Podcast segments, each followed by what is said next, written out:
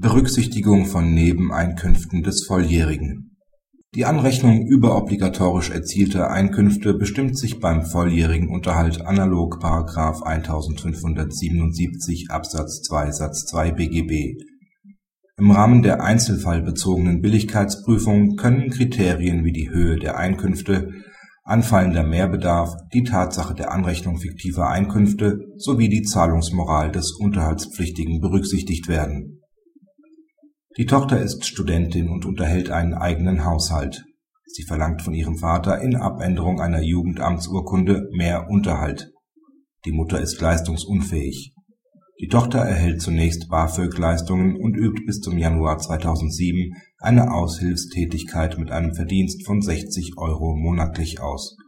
Ab Februar 2007 verdient sie aus einer Nebentätigkeit durchschnittlich 200 Euro monatlich Sie verzichtet ab Oktober 2007 auf weiteres BAföG, da dieses aufgrund der Bezugsdauer nur mehr auf Darlehensbasis gewährt würde.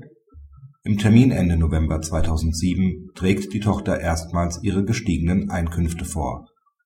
Das Amtsgericht ändert bis Januar 2007 den Titel ohne Einkommensanrechnung ab, rechnet aber danach das erhöhte Einkommen voll an, ebenso fiktive BAföG-Zahlungen und verneint jede Unterhaltsverpflichtung des Vaters das OLG, dessen Entscheidung der Redaktion erst kürzlich bekannt gegeben wurde, bewilligt Prozesskostenhilfe für die Berufung der Tochter, soweit sie sich gegen die volle Einkommensanrechnung wehrt.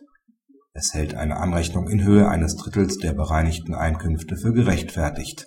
Nach der Rechtsprechung des BGH ist eine Erwerbsobliegenheit des Studenten neben dem Studium regelmäßig nicht, auch nicht in den Semesterferien gegeben. Einkünfte, die nicht aus Praktika oder sonst studienfördernder Tätigkeit herrühren, sind überobligatorisch. Bei der Billigkeitsabwägung ist die geringe Höhe nach Abzug des erwerbstätigen Bonus zu beachten. Zudem wurde der Unterhalt nur unter Vorbehalt gezahlt. Das Sportstudium bedingt außerdem finanziellen Mehraufwand durch Training zusätzlicher sportlicher Leistungen sowie Studiengebühren. Über die Anrechnung fiktiver BAföG-Leistungen musste das OLG nicht entscheiden da die Tochter selbige akzeptierte. Praxishinweis Wird zusätzliches Einkommen durch den Studenten verschwiegen, so kann darin bei sich aufdrängender Offenbarungsverpflichtung eine schwere Verfehlung liegen, die gemäß § 1611 Absatz 1 BGB gegen den Unterhaltsanspruch eingewendet werden kann